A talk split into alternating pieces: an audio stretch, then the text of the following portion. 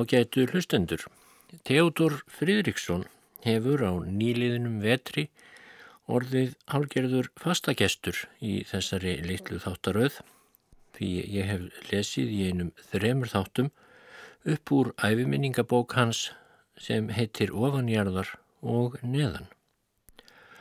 Og vegna þrábeðinni hlustenda ætla ég nú að hökva enn í sama knérun og lesa um vist Teodors í sæluhúsinu í Kvítárnesi sumarið 1942 sem sagt millir þess sem hann var uh, dyravörður í Ingólskaffi og vann í breytavinnunni á Reykjavíkur flugvelli.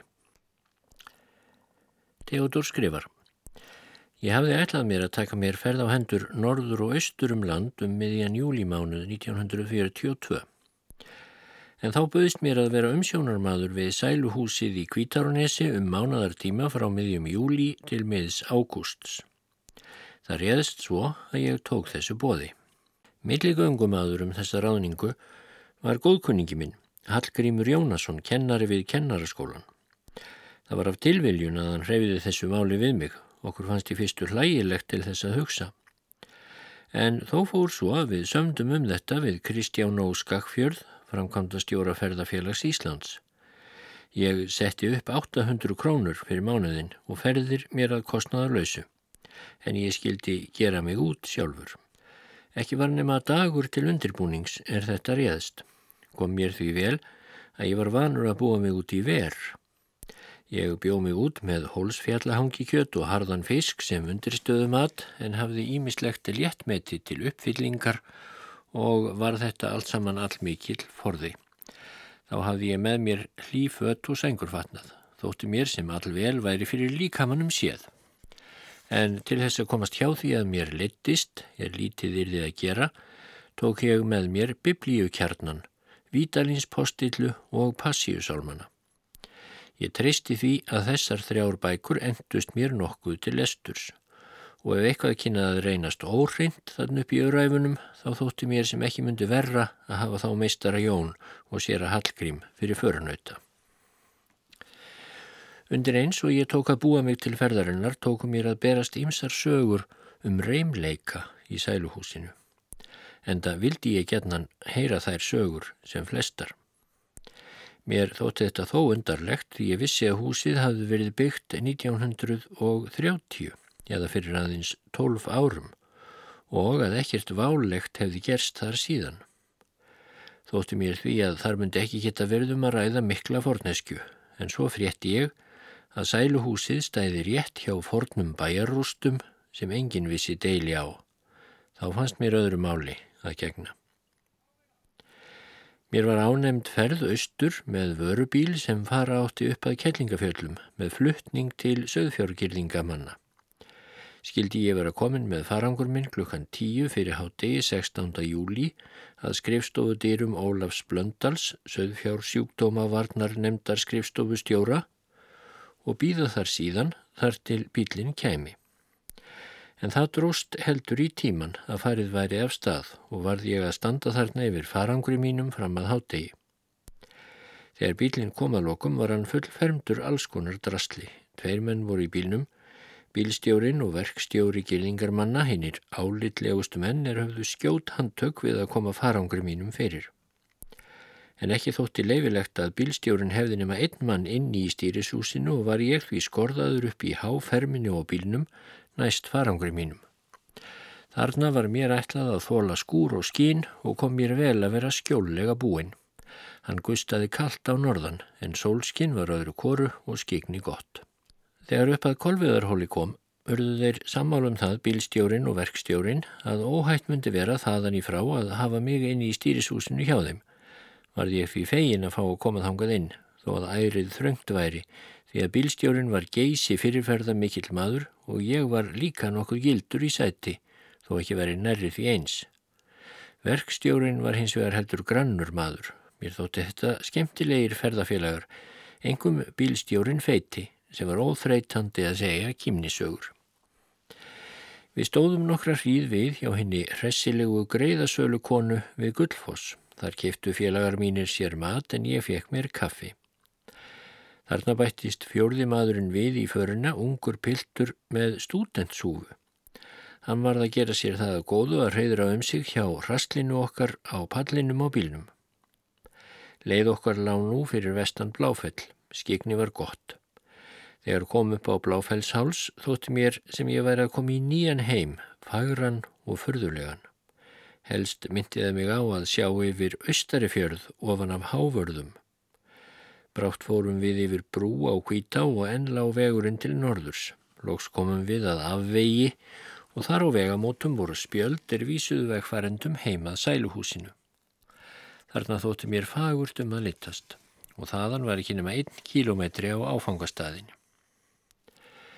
Mér flög margt í hug er við begðum frá vegamótum og ég sá á raukt þakkið á sæluhúsinu um leið og bílinn rann yfir ofurlítinn sandborinn hrygg.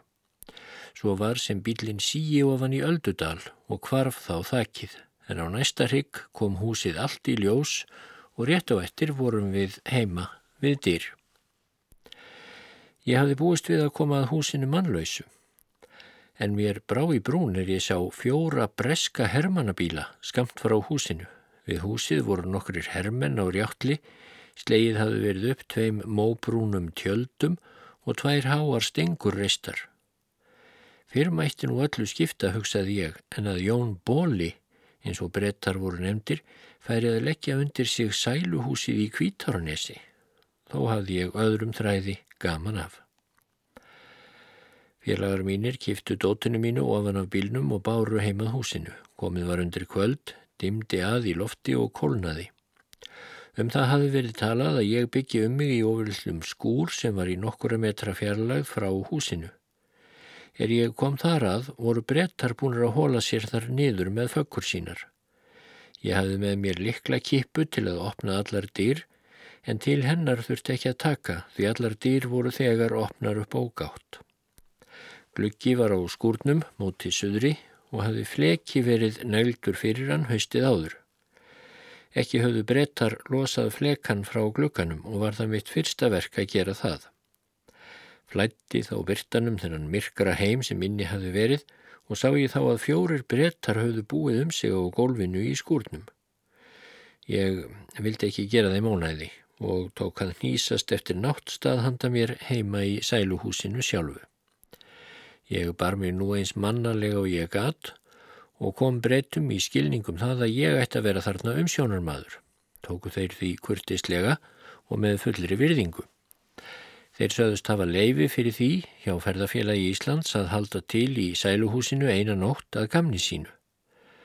Þeir höfðu nú lagt undir sig eldhúsið, rauðkynntu eldavélina, höfðu auk þess kveikt á prímus og höfðu potta og pönnur á lofti líkast því sem þeir væri að undirbúa stóra visslu. Ángandi matarlikt lagði um allt húsið. Tvær stofur eru í húsinu niðri og hafðu brettar tekið þær báðar handa sér, hafðu dúkað borð í annari fyrir yfirmenn en í hinni fyrir undirgefna. Upp á lofti eru tvöherbergi, sitt í kvorum enda húsins og eru gluggar á stöfnum þess. Brettar hafðu búið um sig til gistingar í því herberginu sem gluggin vísar móti vestri. Þar er fagurt í björtu veðri að horfa yfir kvítárvatn en skriðjöklar ganga ofan að vatninu báðu megin við skriðufell og synda ísjakar á vatninu. Úr þeim glukka sér og yfir kvítárnesið sjálft, grænar og fallegar engjar, glukkin á hinuherberginu vísar út að æfafornum bæjarrústum.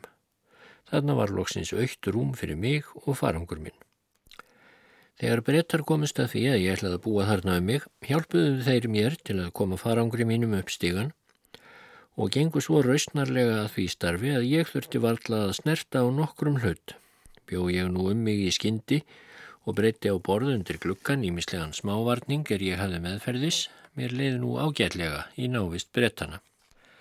Þegar ég hafði svo gengið frá farangri mínum langaði mig til að hita mér einhvern sopa og taka mér bytta en engin leið var að komast að eldavélinni. Úti eirði ég ekki því komið var hráslaga veður. Til þess að ég væri ekki alveg þurrbrjósta, hresti fóringin mig á viski. Ég þurfti heldur ekki matar við úr sjálfsmín búið því bresku undirmennirnir buðu mér að borða með sér um kvöldið. En það kom mér heldur illa að ég kunni ekki ensku, þó varð helst til bjargar að tveir dátar böbluðu ögn í íslensku en ég kunni orð og orð í ensku frá veruminni á Ingólskaffi og lögðum við þannig saman í mál gröð sem við létum duga.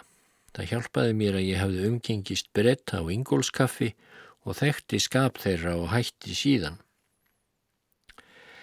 Mér leiði vel þessa fyrstu nótt í sæluhúsinu í návist brettana. Klukkan tíu um morgunin voru þeir allir komnir á fættur, skam eftir hádegi voru þeir búnir til brottferðar og hafðu þá sópað herbergin og eldhúsið og gengið þrifalega frá öllu. Hverjum þeirra bara að greiða eina krónu fyrir gistinguna og bar mér að innheimta þetta gjald af öllum nætur gestum og færa henni í sjóðsbók. Fyrir kom um sömarið að gestir greitu meira fyrir nóttina en eina krónu var það allt fært til bókar. Ekki greitu brettar meira en upp var sett og einnig tók ég af þeim það ómag sem þeim var þó skilt að þúa gólfin. En fyrir það skildu þeir eftir hjá mér afgang af nesti sínu sem þeir buðu fram af góðum hug. Var mér það ekki svo lítið búsílag og þóttu mér það líkast herfangi sem mér hafði í hendur komið. Þegar brettarnir voru farnir tók einangrunin við, þókudrungað veður með rigningarúða upp í óbyggðum. Ég hlakkaði mjög til þess að fá gesti. Ég byrjaði því að þó gólfin, tók síðan að líta eftir í húsinu og færa til betri vegar það sem ég síndist hægt að laga. Ég leiti eftir undirdínunum í rúmunum og öllu því sem mér þótti eftirlits þurfa. Svo aðtugaði ég húsið sjálft mest fyrir forvitnisakir og til þess að verja þó tímanum til einhvers. Þetta er timburhús með rauðmáluðu bárjálfstæki og snýr húsið frá austri til vesturs. Torfveggir eru hlaðinir upp að því bæði að norðan og sunnan, ofurlítil stjett er við báða gabla að austan og vestan og er þetta gert til skjóls. Á veggjunum eru ofurlítil þrep, hæfilega há til að sitja á þeim í góðu veðri. Einnig er stjettin undir austurgabli húsins tilvalin sæti fyrir gesti. Glukkar eru á stofunum fyrir báðar hæðir húsins, vindskeiðar með útskortnum myndum eru á báðum stöfnum. Þessar vindskeiðar höfðu verið málaðar en voru teknar að upplítast og hafi mér verið falið að mála þær dökk grænar og hugsaði ég til að gera það í góðu tómi. Ég gekk snemma til kvílu um kvöldið. Vindurinn þuldi sinn leiðinda lestur á þekkjunni og regni sló á rúðurnar. Þetta var annað veður hljóðan á Ingólskaffi þar sem glaumurinn frá hundruðum gesta blandaðist æðri hljómlist og bílaöskri utan af göttunni. Ég las biblíu kjarnan undir svefnin og lagði frá mér bókina er lauk frásögninu um þá feðga Abraham, Ísak og Jakob og ég var eitthvað að hugsa um stígan sem Jakob dreymdi er ég sopnaði við nöyðið í vindunum. Þá bárust mér að eirum undurfagra rattir líkastar englasöng. Þetta breyttist smám saman í skæra barsrött og ég var aftur gladvakandi. Gestir voru komnir, tvenn hjón og voru konurnar sístur. Önnur hjónin komið með tvö börn sín og við lítinn dreng nokka og stúlku og fjórða ári. Það var hjalið í henni sem ég hafi heyrt gegnum svefnin. Ég hafi talað þessum gestum og spurði frétta. Var fólk þetta nokkur tíma að búa um sig í annari stofunni niðri. Það hafði enga bíl og dvaldi hjá mér daginn eftir. Þá var gott veður, hlý sunnan góla og ofurlillar skúraleiðingar en glaða sólskinn millir skúrana. Gestirinnir brúðu sér að kvítárvatni sunnarlega til að sjá sig um. Þar voru geimt tvö áraför handa gestum sem óskuð eftir að róa á vatninu. Þessir bátar voru í minni um sjá þann tíma er ég dvaldi þarna. Slóst ég í för með gestunum söður með vatninu. Fóreldrar litlu stúlkunar örðu að berana spöl og spöl þar sem ósléttast var. Að öðru leiti bjargað hún sér sjálf, glöð og hlakkandi yfir þessum nýja heimi sem hún var komin í, þar sem stórir fannkvítir fugglar sint syngdu og sungu á síkjunum við vatnið. Þetta var nálagt hálrar stundar gangur söður að vatninu og lág leiðin yfir móa og mýrardrög með díaveitum sem krækja varð fyrir til þess að komast þurrum fótum. Ég hafði gaman að þessari ferð og þótti skemmtilegt að tala við fólkið, bæði mennina og konurnar. Um kvöldið bráð þetta fólk sér upp að sæluhúsinu við Kellingafjöll en bjóst við að koma við í Kvítarnesi á heimleiðinni. Góður gestir, hugsaði ég, og skandi að slíkir kæmu sem flestir. Tvær nætur svaf ég á loftinu í sæluhúsinu en þá flutti ég allt mitt hafurtask í skúrin og settist þar að. Ég byrjaði því að þó gólfið og taka ímislegt til handargagns Í skúrnum var betti sem dragamátti sundur og saman eins og draggargan. Kaus ég hann fyrir rúmstæði mitt, færði hann að austurvegg skúrsins og snýri höfðalæginu að glukkanum. Þarna bjó ég upp rúmið mitt eftir öllum reglum þeirra listar. Mér reið mjög á því að ég geti látið fara sæmilega vel um mig í skúrnum. Hann var kaldur. Oft var ég honum dragsúgur og hljóðunæmur var hann fyrir öllum veðrum. Er ég hefði um mig búið, gerði ég nákvæma rannsókn á forðabúri mínu, líkast því að ég væri heimskautafari. Mér var það mjög til hugar léttis hver mér hafði aukist í búi við það sem mér hafði áskotnast frá brettunum. Ég hafði notað við ýmsum áhöldum sem fylgdu eldhúsinu í sæluhúsinu og þar eldaði ég á prímus þegar ég vildi fá mér eitthvað heitt. En best kunni ég við að borða út í skúrnum, taka mér bita þegar listin bauð eins og í hákarlalegum. Skamt frá sæluhúsinu rennur lítil á sem tjarná heitir. Hún er hrein og tær, minnir á farlegan bæjarlæk í sveit. Þetta er vassbólið sæluhúsins. Brú er á ánni nokkrum föðmum norðan og neðan við sæluhúsið. Þessi á rennur um afar mikið sléttlendi sem nefnt er kvítarnes og nær niður að kvítarvatni. Vestur að vatni, þvert yfir nesið frá sæluhúsinu er nálagt hálrar klukkustundar gangur. Þarna skiptast á kíladrög með rauðbriskingstör, mýrarflóar og harðir bakkar við árfarvegi um þessar víðáttu miklu engjar. Þetta er afréttarland tungnamanna. Þarna gengur á sömrum söðfje svo hundruðum skiptir auk fjölda hrossa en um þessar slóðir likur síðan kjálvegur milli Suðurlands og Norðurlands. Því nafni er tengt skjelvileg minningum hel reið nokkura manna endur fyrir löngu, reynistadabræðra. En um Kvítárnes er líka til óskráð saga um stórbú og hefur bærin staðið þar sem toftirnar eru rétt hjá sæluhúsinu. Mörgum sumargestana var það reikað um þessi tóftarbrót og oft var um þau spurt og um þau rætt þegar staðið var við í sæluhúsinu. Ég mann sérstaklega eftir því er ég satt einn sólskinsdag hjá skemmtilegu ferðafólki á grastjettinni austan undir húsinu þar sem gamlu bæjarústirnar blöstu við. Þá spurði ung og myndarleg kona mig að því ofur góðlátlega hvort ég er ekki varfin eina reymleika á nætturna. Komið var fram í ágúst og dimt orðið um lánættið. Ég sagði að enginn geti tekið að sér að búa einn í sæluhúsinu nefn hann væri laus við myrkvælni og ætti gott með að sopna aftur þótt svo kynnað falla að hann hrikki skindilega upp af söfni. Þetta þóttu nú tilgjur og dríindi og fólkið vildi fá að vita meira hvað um hvað ég ætti við. Ég let sem ég gæti frá einhverju sagt ef þetta blessað fólk hefði að segja einhverjar sögur á móti sem merkur væri í.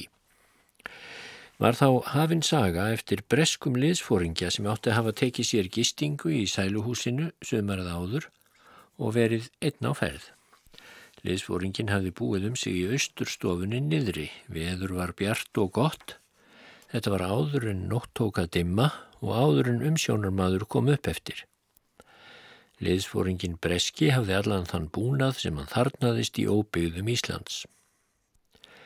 Skömm eftir að liðsfóringin var háttaður, þótti honum tæplega miðaldra kona, fríð og fenguleg, ganga hljóðlega inn á gólfið. Hann sá konuna svo skýrt að hann kastaði á hana kveðju, vissum það að hér væri á ferð kona með holdi og blóði. En þá kvarf hún út úr stofunni án þess að taka undir kveðjuna. Bretinn lísti klæðaburði konunnar svo að hún hefði verið í svörtu pilsi, víðu úr grófu efni og hefði það verið rykt í margar fellingar um mittið.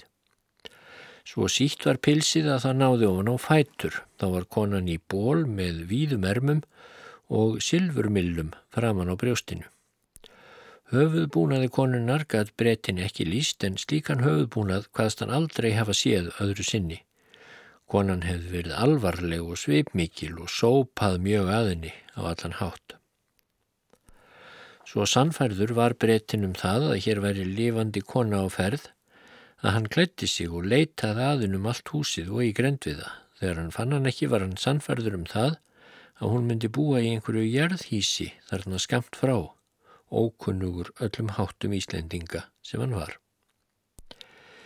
Ég stakk upp á því að þarna myndi hafa verið á ferðinni svipur einhverjar sem búið hefði í bæjarrústunum endur fyrir löngu. Leti ég þess getið að mér kemið ekki á óvart að ríku þóru væri ekki um það gefið að erlendir hermenn væri að sveima um þessar slóðir. Hefði hún því tekið á sig jarðaneska mynd þessa nótt sem brettin var í sæluhúsinu. Gestirnir höfðu ekkert heyrt ríku þóru getið og örðu forvittnir um sögu hennar og spurðu mig hvort ég hefði orðið hennar var. Ég sagðist hafa þær girðingar um mitt rúm að þar getu yngir dauðir menn komist inn fyrir og raskað róminni. Hvaða girðingar, spurði gladlinda konan sem þessar umræður hafði hafið. Þær eru nú gamaldags, svaraði ég, það eru passíusálmarnir og vítalinspostilla.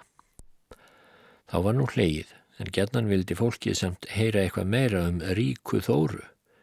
Ég vildi nú ekki margt um hana segja, sagði að þetta væri bara þjóðsaga og það væri bara mín ágiskun að Þóra hefði búið í kvítárnesi. En þannig var mál með vexti í raun og veru að þegar ég virti fyrir mér bæjarústyrnar í kvítárnesi þá sótti á mig með undarlegu magni saga sem ég heyrði lítill drengur norður í Flatey á eskuslóðum mínum, Flatey á skjálfanda. En sagan var á þessa leið. Kona var nefnd Þóra. Hún bjó stóru raustnar búi einhver staðar á Suðurlandi, hafði margt hjúa og átti fjölda gangandi fjár. Því var hún kalluð Ríka Þóra. Hún var viturkona og forspá. Skömmu áður en svarti döiði barstum sveitirlandsins varð Þóra þess vís í draumi að einhver skelvilegu ósköp væri í aðsíi fyrir þjóðina.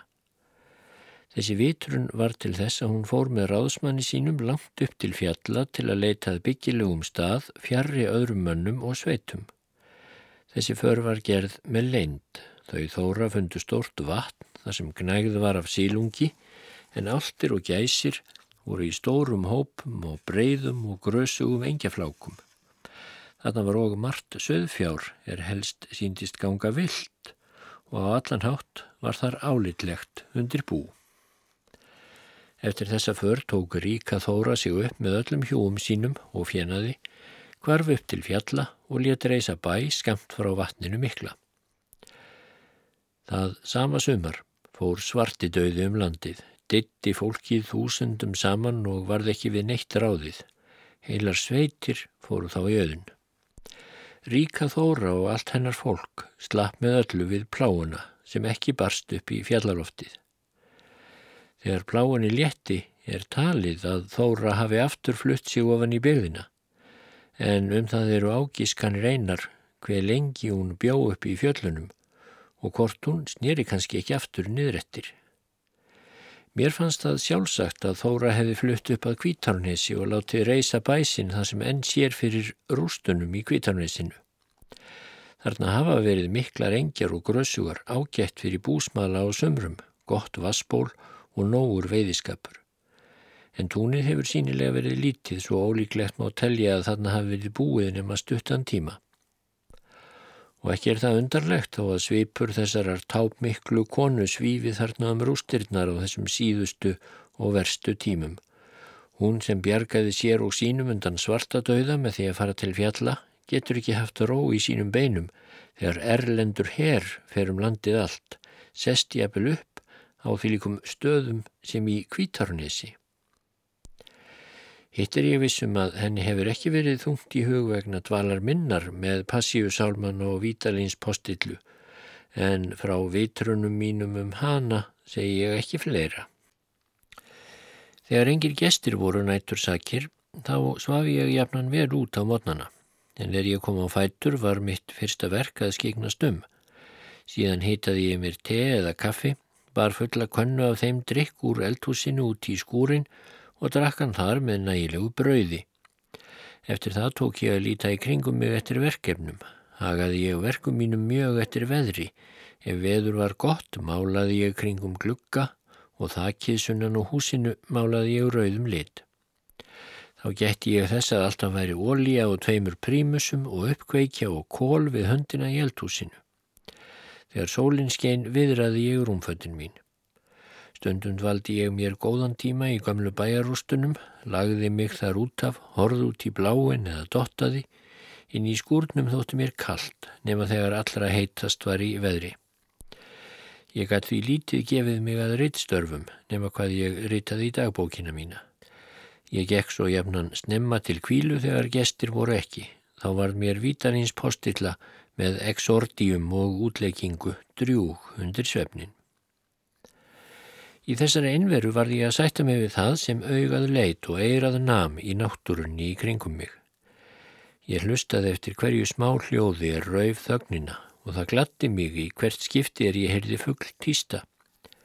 Hins vegar höfðu hlungar og brestir í skriðjöklunum tröflandi áhrif á mig eins og skotkvellir. Ég naut þess að andað mér hreinu loftinu og baka mig í solskininu og þá þóttu mér litbrigði skíjana og tæmandi fegurðar uppspretta. Smá blóm á gamlu bæjarústunum voru mér þá líka til ununar. En í stormi og regni varði ég að leita mér skjóls innanveggja, gagn tekin af þrá eftir samneitinu við menn. Mér var það mikil svert að ég átti gott með svefn. Loftið var þarna svo hljóðbært að undrum gengdi og þá gáttu brestirnir og drunurnar frá jöklinum auðveldlega raskað svefni manns sem ekki átti því auðveldara með að halda sér í jafnvægi og sofa þótt eitthvað gengi á. Það gæti líka komið fyrir að flugvélar færu öskrandi yfir rétt um það byl er ég gekk til svefns eða síðar. Þegar þær komuð að sunnan eigði ég þær fyrst eins og smá flugur við jökulröndina vestan við jarlhettur, litlu síðar fóru þær eins og hrægammar yfir kvítárnes, fældu rossastóðið í nesinu og þau það á harða hlaupum um bakka og grundir. Eftir þetta tóku flugvilarnar stefnu og hofsjökul og voru hortnar eftir nokkur andartök. Ég var laus við alla myrkvælni og ekki hafði ég neitt beig af gömlu bæjarústunum Ég hefði heldur ekki haft neitt á móti því að Ríka Þóra hefði byrst mér í svefni eða vöku, en ég varð aldrei varfið reymleika. Nema enginlegt þrusk úti á kvöldin eftir að rökva tók og heyrði ég það eins þó ég væri að lesa í Vítalins postillu. Þetta var líkast því að hross væru að býta kringum skúrin. Stundum hvaða svo mjög að þessu að ég fór á fætur til að grenslast eftir því hvort nokkur hross væru þarna nærri. Ég gæti aldrei grafist fyrir um það hvernig stóða þessu hljóði og ekki stóða mér fyrir þrifum við svefnin þó ég hriki upp á svefni þá sopnaði ég alltaf aftur. Ég fann til fagnadar í hvert sinn er ég sá bifreið koma östlandi eftir veginum heimað sæluhúsinu. Það var margskonar fólk sem komað kvítarunesi þetta sömar og stóð ímistlega á ferðum þess. Flest kom fólkið um helgar og fyrir koma þá komu margir bílar fullir af fólki sem strimdi á öræfin. All margt af þessu fólki tók sér gistingu í sæluhúsinu eða dvaldi þar part úr degi eða jafnvel lengur. Oft var ég sestur að í skúrnum er gestir komu og var ég þá fljóttur að bregða mér á fættur. Ímsir urðu til að spyrja mig að því hvort mér leittist ekki eða hvort ég væri ekki myrkvælinn Ég gerði lítið úr því saðist að kjarngóðan mat, hlý rúmfött og ofurlilla hirgun ef mér lægi mjög á og svo færi vel um mig í skurnum. Einu sinni eitt góðan veður dag komu tvær ungar stúlkur sem var forvittni á að sjá hvernig ég byggi. Ég bauð þeim í skúrin og veitti þeim portvín. Það er brostu indislega er ég dró flöskuna upp úr bakbókanu mínum. Íður vantar hér ekkert nema kvennmann, saði önnur ungfrúin. Hinn tók í sama streng og gæti ég þá ekki verið að bera neitt á móti því. Verði þér aldrei var við neitt, spurðu þær svo báðar í einu. Komið getur það fyrir, svaraði ég dríindalega. Guð almáttugur rópuðu þær þá báðar og flýttu sér út úr skúrnum. Þetta voru gladlegar stúlkur á besta aldri. Stundum kom það fyrir að gestir skildu eftir hjá mér dagblað sem þeir höfðu gripið með sér á leið um leiðu þeir fóru frá Reykjavík. Það sem á þessum dagblaðs slítrum stóð sveldi ég í mig eins og döðþyrstur maður þegar ég var orðin einn. Það var þá heldur ekki frálegt að hafa mokkan með meistara Jóni. Þó var það mér enn meira virði að geta spurt menn frétta, engum öður komu frá Reykjavík. Umsviða mest gest koma að sæluhúsinu var 50. skvöldið 23. júli. Dumbungsveður og rigning var um það leiti sem fólk kom, átján manns með 35 hesta og mikinn farangur. Þetta fólk var úr Reykjavík en hafði útvegað sér hesta austur í sveitum og þar hafði það fengið sér tvo röska fylgdarmenni við fjöll og fyrnindi. Það kom að kvítárnesi ofan úr kellingafjöllum og var nú á heimleið. Ég þekkti ekkert af þessu fólki í sjón nema Sofíu Guðlögsdóttur leikonu. Var í þessari för maður hennar og sonur þeirra innan við fermingaraldur. Ég var sérstaklega hrifin af drengnum, hver hann var nellinn og röskur og bar sig vel á hestbaki. Um kvöldið var fagnuður mikill hjá þessu fólki í tilefni af afmæli drengsins. Sá ég ljós í glukkum sæluhúsins fram eftir allri nóttu. En ég blandaði mér ekki í þá gleði, heldur ekki ekki snemma til kvílu og sökti mér nýður í að lesa ræðu meistara Jóns milli áttadags og þrettánda um það þegar Heródes var gappaður af vitringunum. Mánudaginn 3. ágúst var að ímsuleiti heila dagur fyrir mig Um helgina hafði verið mikill ferðamannaströymur upp að Kjellingafjöllum og norður á Hveravelli. Þá var sólskin og fagurt á fjöllum og skemmtilegt fyrir ferðafólk. Margir komu við í Kvítárnesi en engir höfðu þar langa við töl. Á sunnudaginn fekk ég fregnir af því að tveir stórir bílar fullir af fólki hefðu farið upp að Kjellingafjöllum og norður á Hveravelli og væri þetta fólk á vegum Ferðafélags Íslands, Kristján og Skakfjörð var sagður fóringi farar þessarar og fekk ég þau bóð frá honum að hann myndi koma við í kvítarnesi á bakaliðinni. Ég bjó mig undir komu hans í þessu blessaða veðri. Ég hafði ánægja af því að tala við Kristján Óskakfjörð og skýra honum frá veruminni þarna. Hann fann ekki að neinu sem ég átti að hafa á hendi og var framkoma hans öllin príðilegasta. Hann spurði mig eftir því hvort ég kynni við mig og hvort mig vanhagaði ekki um neitt. Gert var ráð fyrir að ég dveldi við sæluhúsið fram um miðjan ágúst og var ég í kyrþei farin að telja dagana þanga til. Ég saði Kristjáni að ég myndi nokkur neginn byrkur með nesti þann tíma sem eftir væri en þó myndi ég ekki slá hendinni móti því ef fólk hans geti sér að meina lausu skilið eftir hjá mér ofurlítið af nesti sínu. Þegar blessað fólkið komst að þessu stóð ekki á konunum að færa mér smá pingla út í skúrin. Fólkið stóð við í kvítarnessi fram eftir deginum og skemmti sér vel. Það var gladvært fólk sem Kristján og Skakfjörð hafði í kringum sig. Tveir menn voru þarna sem ég var vel málkunnur. Það voru þeir Þorstein Jósefsson, starfsmæður við dagblæði Vísi og Ingólfur Ísólfsson, bróðir Páls Ísólfssonar, gladlindur og skemmtilegur maður. Báðir voru þeir undrandi við því að hitta mig á þessum slóðum. Þorstein var önnum kafin við að taka myndir og höfðum við lítinn tíma til að tala saman. Þegar ég fór svo að aðtoga samskotin handa mér, eftir að fólkið var farið, þá þóttu mér sem þar væri margur bitin ætilegur. Mér hefur víst verið líkt í hug og förumönnum fyrir tíma þegar þeir hafðu sapnað vel í pokansinn. Síðustu vikuna hafði ég annars lítið annað að gera en þengja og álíkta. Lítið var þá orðið um gestakomur. Vítalins postillu hafði ég lesið spjaldana á milli og við fátt var að dundanema matarleifar. Ég taldi dagan og tristi því að séðirði fyrir því að ég kemist til mannabegða á tilskildum tíma. Ég hugsaði mjög til ferðar norður og austur um land sem ég hafi frestað en ekki hætt við með öllu. Langt var til næstu nágranna. Næstir voru tveir söðfjárveiki varnar girðingarverðir sem heldu til í ábótaveri og riðu með girðingum ímist eitthvað suður á bógin eða norður með kellingafjöllum. Þessir félagar heimsóttu mig þrísverðið fjórum sinnum og tókust með okkur ofurlítil viðskipti Ég fekk einu sinni hjá þeim einn yfirmálsfisk, saltaðan og borgaði hann með harðfiski og rúbröði. Annan nágranna átti ég í sæluhúsinu við Kjellingafjöll. Þar voru líka girðingarverðir en af þeim hafði ég ekki neinn kynni. Laugardaginn 15. ágúst var austan stormur og regning. Ég held mig að mestu í ímist í eldhúsinu eða í skúrnum. Ég taldi tölur mínar og þuldi þess á milli merkjuðustu vísurnar sem ég kunni úr göngurhólfs rýmum og andra rýmum. Ég þurfti að klæða mig vel til þess eins að halda á mér þokkalegum hita í skúrnum. Þegar á daginn leið eldaði ég mér havragraut og sögð síðustu hangikjötspittana spikfeita síðu. Ég átti eftir nokkra leifar af kaffi og einhverja ögn af kongótei. Einning átti ég ofurlítið af brauði, smjöri og harðfiski, tvær dóstir átti ég af niðurstóðinu kjöti og nokkuð af keksi, en ég varð að halda spart á neftópakskornunum sem eftir voru. Eftir umtali okkar Kristjáns og Skakfjörð bjóst ég við heimferð þennan dag eða hinn næsta og var því mjög fegin satt að segja að dvölinni væri senn lokið.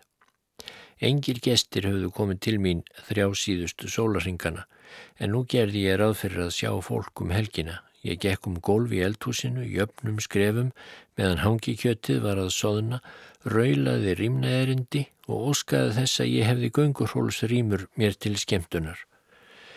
Ég háttaði snemma um kvöldið og hlustaði á regnið er það buldi á skúrnum, nöyðið í storminum og tifið í klukkunum minni. Ég let ljóstýru lifa hjá mér um stund og las passíusálmana undir svefnin.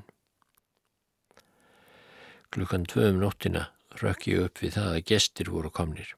Ég brá mér á fætur og talaði við á meðan þeir bjöku um sig í sæluhúsinu. Þetta voru fimm karlmenn í gljáandi bíl og hafðu þeir orðið síðbúnir frá gullfossi um kvöldið. Var það ætlun þeirra að bregða sér upp að kettlingafjöllum að morgni og gista þar næstu nótt. Þeir sögðu mér þó í tíðindi að tveir fallegir bílar hefðu farið nokkru á undan þeim frá gullfossi og hafðu þeir bílar ætlað upp að kettlingafjöllum en að taka gistingu í kvítárnesi næstu nótt. Ég frétti hjá þeim félögum að Geir Sóega vegamálastjóri væri fóringi þeirrar farar. Ég vonaði að hann myndi hafa einhver ráð með að taka mig með á bakaliðinni. Hann var formaður ferðafélagsins og ég taldi víst að Kristján Óskakfjörð hefði gert einhverja ráðstafanir til þess að koma mér heim þegar ráðningartími minn væri á enda og þá ekki ólíklegt að hann hefði beðið formann ferðafélagsins fyrir mig fyrst hann var á þessari leið.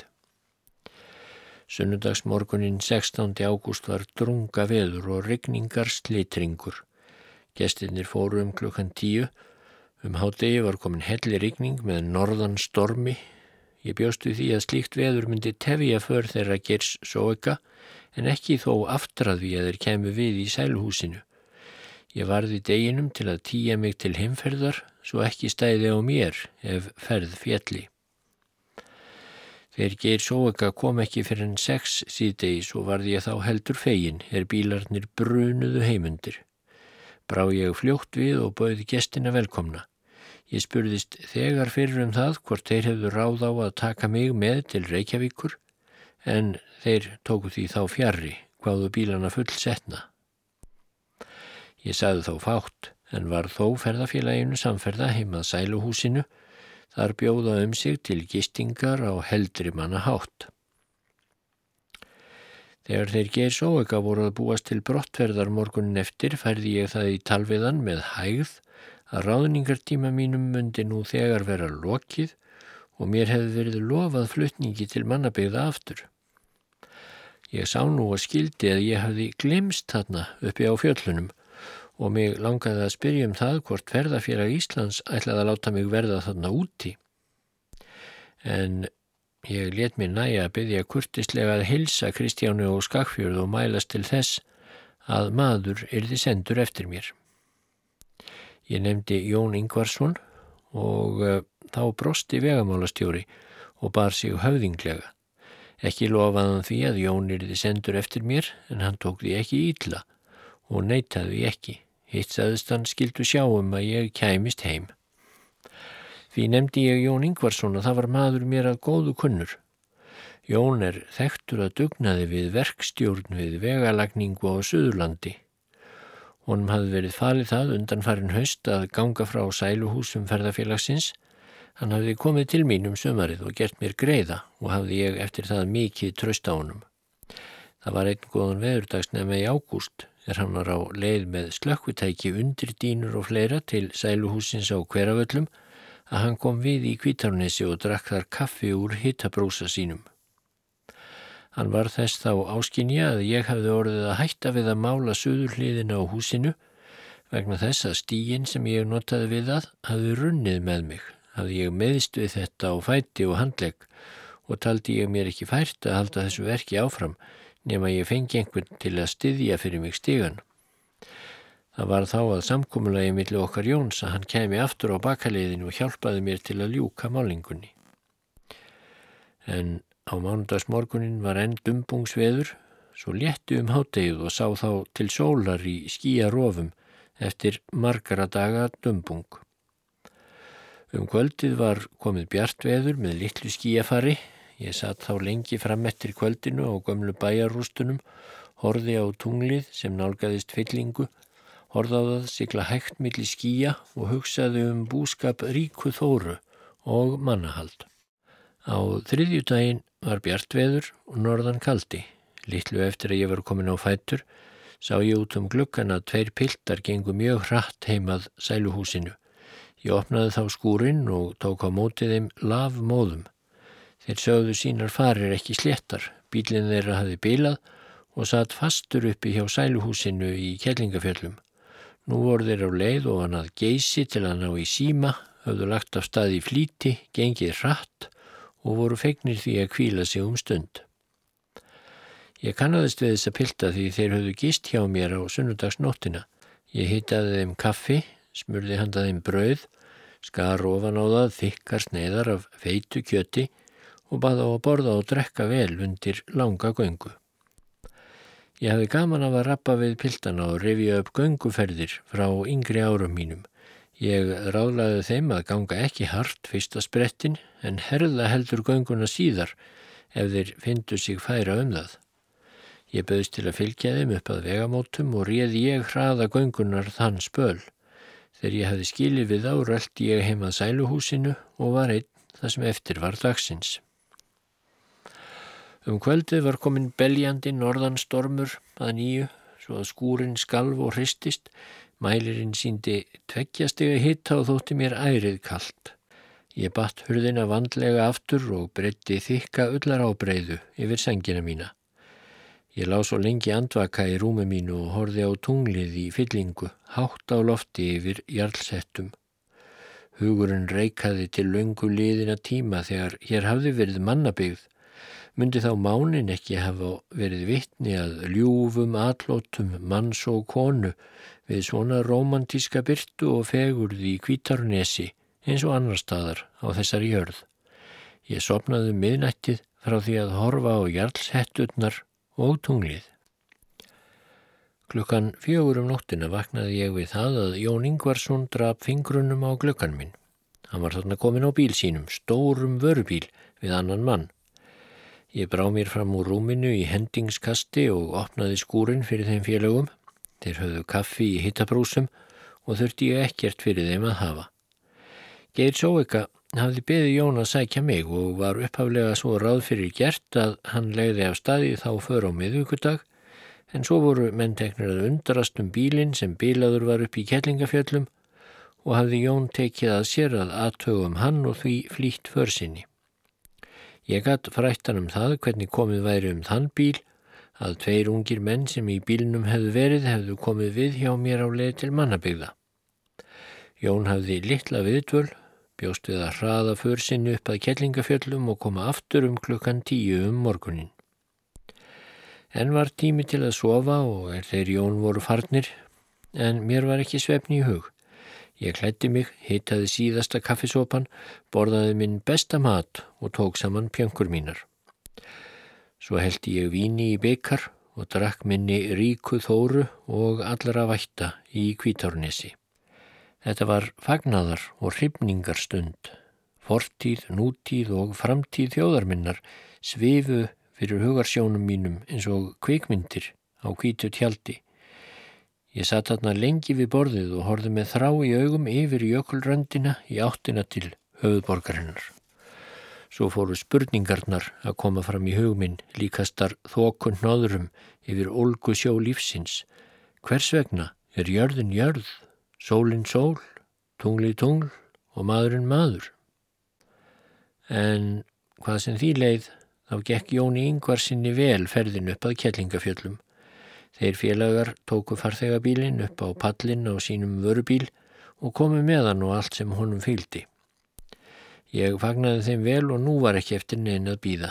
Við Jón gengum síðastir frá sæluhúsinu, hölluðum aftur hurðum og settum lás fyrir skúrin.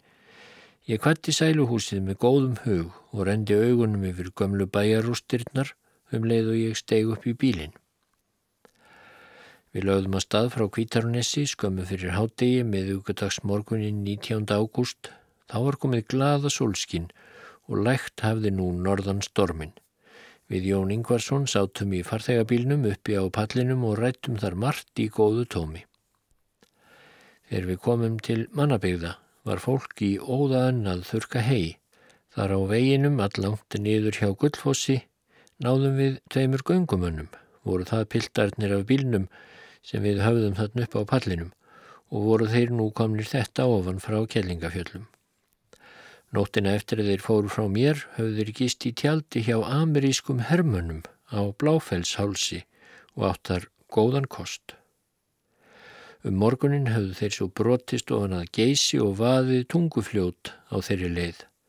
Þóttu mér þeim hafa farið karlmannlega og sagði að þeir myndu fá af þessu fræðar orð. Við heldum svo ofan að Selfossi í einum áfanga, þar á Jón Ingvarsson heima og dvaldi ég hjá honum þar til ég náði í áætlunarbíl klukkan 7 um kvöldið. Kom ég til Reykjavíkur, gladur í handa, heill og hraustur eftir fjallavistina.